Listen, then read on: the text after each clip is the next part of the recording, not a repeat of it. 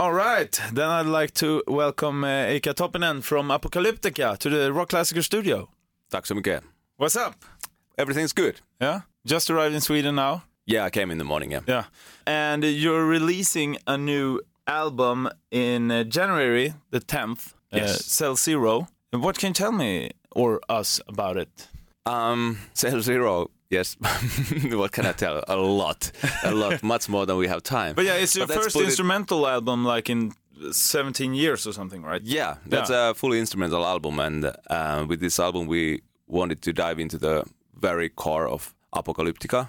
You know, after we made a long tour with Plays Metallica by Four Cellos now, just to 20th anniversary of the first album, Yeah. and uh, and that was uh, fully instrumental, and we actually kind of went back to our roots with that album, how we started the whole thing to play metal by cellos, and um, and then we got this feeling actually now we want to dive into the core of our own music and start to build, kind of find the cell zero of Apocalyptica Yeah. and start to build everything up, up from there.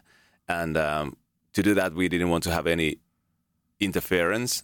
So we self-produced the album and had no guests on that. And we kind of locked ourselves into the studio and uh, wanted to make the album we exactly want to do. How, how was the whole uh, process with the album? Was it like, did it take a long time or, or did you kind of fast found like the core that you wanted to find? I think it was um, close to regular any other album we've done, except that they were not the moving parts. What we have we had always with the different guests, you know, so many moving elements, and this time we were able to control it. And I think um, we just wrote music in the beginning, and then we started to feel that okay, this is maybe the direction we want to that the whole thing is growing. But we we let it to grow pretty much on its own in a way that. Um, we didn't restrict any kind of styles and uh, we didn't actually even play the songs together before we went to studio so everybody made a, a proper demo with all the layers um, of their own songs and then we built it up again in the studio and fine tune the arrangement and the sounds and production and everything so it was a exciting exciting process to do it after making so many albums with so many guests and with different great producers and so on so many people involved outside from the band. It was very nice actually to go now just to do it by our own. Yeah, yeah, and as you said, you've had a lot of uh, collaborations and guests uh, that you had uh, in previous albums. Was there any time during one of those collaborations uh, that surprised you the most? That was like the most fun to do? Uh, it's very hard. I think every collaboration had its own own flavors and own qualities, and uh, it's hard to compare them. Uh, one of the most memorable things was working with uh, Nina Hagen when Yeah. we did the Rammstein cover Seemann. Um, maybe because we spent got a lot of time together. I did uh, some promotional trips with her, and she's a very special character, I must say. and, and stuff like that. So, and of course, I, I think that was um, one was uh, collaboration which surprised me maybe the most was the song we made with Till Lindemann, um, the, the cover of uh, David Bowie "Heroes" in German, Helden, and uh, actually our producer who is Swedish here in Stockholm, we were doing the album Worlds Collide with uh, Jacob Hellner, who produced all the Rammstein previous albums, and he came up with the idea that he thinks that we should do this song together. And we were pretty skeptic how, first of all, this David Bowie song will fit into our world, and then on top of Till Lindemann singing it in German. So it took a kind of while to kind of get any kind of hold of the idea. Yeah. So I think the but the result is really amazing. Uh, How was he to work with?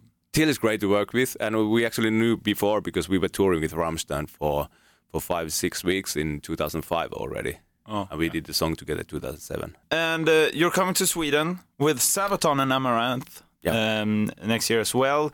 What did come first, though? The the cover of Fields of Verdun that you did, or the actual idea that you were going to tour together?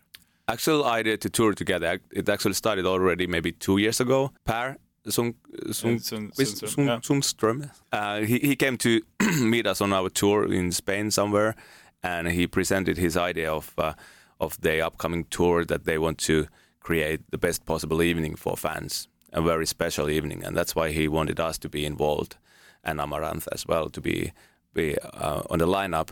But his idea was that instead of just having three bands playing their own sets, let's do something around it.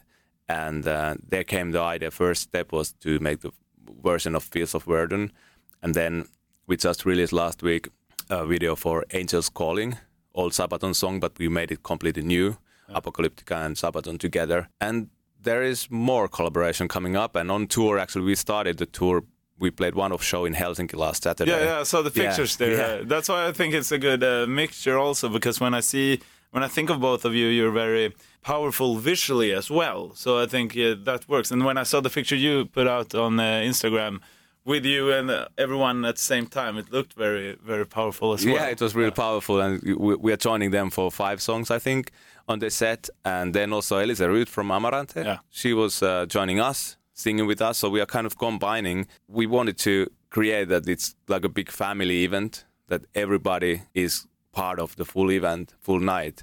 Everybody who comes into the venue is part of the event. You know that we want to connect people in the audience. We want by connecting the bands on stage, and that was uh, idea by Per, and it's it's really relates and reflects something what we think about serving fans, and uh, at least based on this one one-off show, uh, it worked out perfectly. Yeah, yeah, yeah. It looked awesome.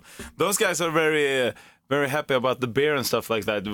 Were there any parties in Helsinki a couple of days ago, or what did you do? I think they had parties. We, we are not anymore uh, so big party animals.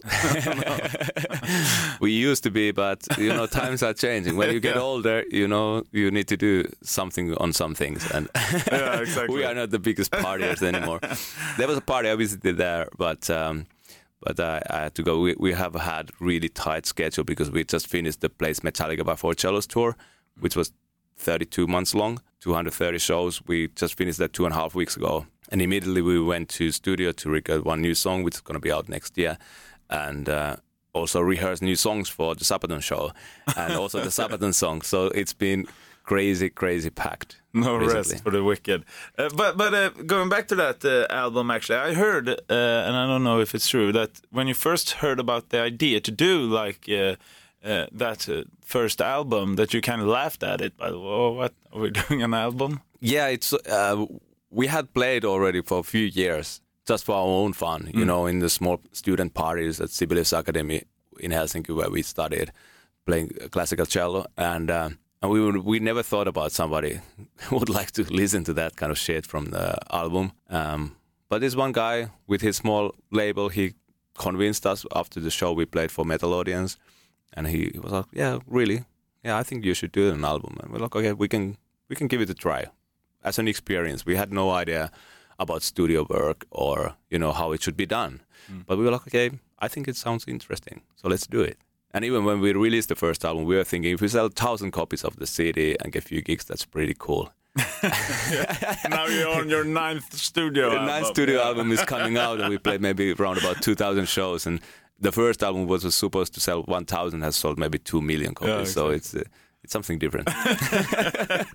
Took you by surprise then. But uh, you also had to open up for Metallica, like in the beginning of your career as well. How was that? that was, I That must say, that, Finland, that, right? that was ridiculous. That it was maybe our fifth show after the first album release, and we were opening two nights. It was at uh, 1996 November uh, in Helsinki, two nights in a row, and of course it, it was ridiculous.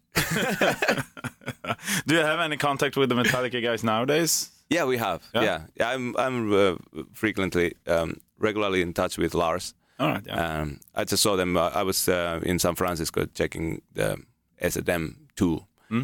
both shows, and and met met the guys there. And I was playing in Lars' weddings actually a few years ago. oh, really? I, I took care alone about all the ceremony music and stuff. Yeah, so, awesome. so we are pretty pretty close.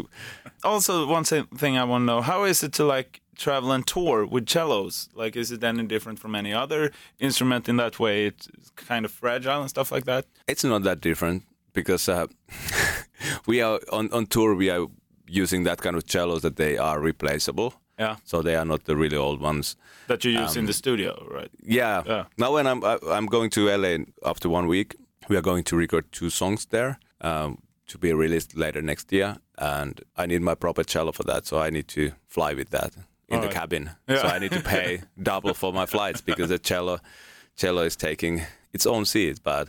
But in, in normal touring life, we have found these kind of good cases for them. So they go with the cargo and you know they go with with the rest of the backline. Well, I'm really looking forward to the album. I know a lot of other people are also uh, into it. And you're coming to Sweden on the 14th of February to Gothenburg, and then uh, the fifth day after that in Stockholm Yes. with the whole team, Sabaton. And, Yes, Amaranthe, uh. Sabaton, Yeah, that's It's, it's great. It's going to be a great night.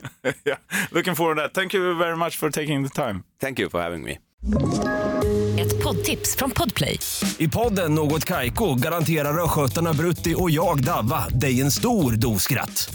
Där följer jag pladask för köttätandet igen. Man är lite som en jävla vampyr. Man har fått lite blodsmak och då måste man ha mer.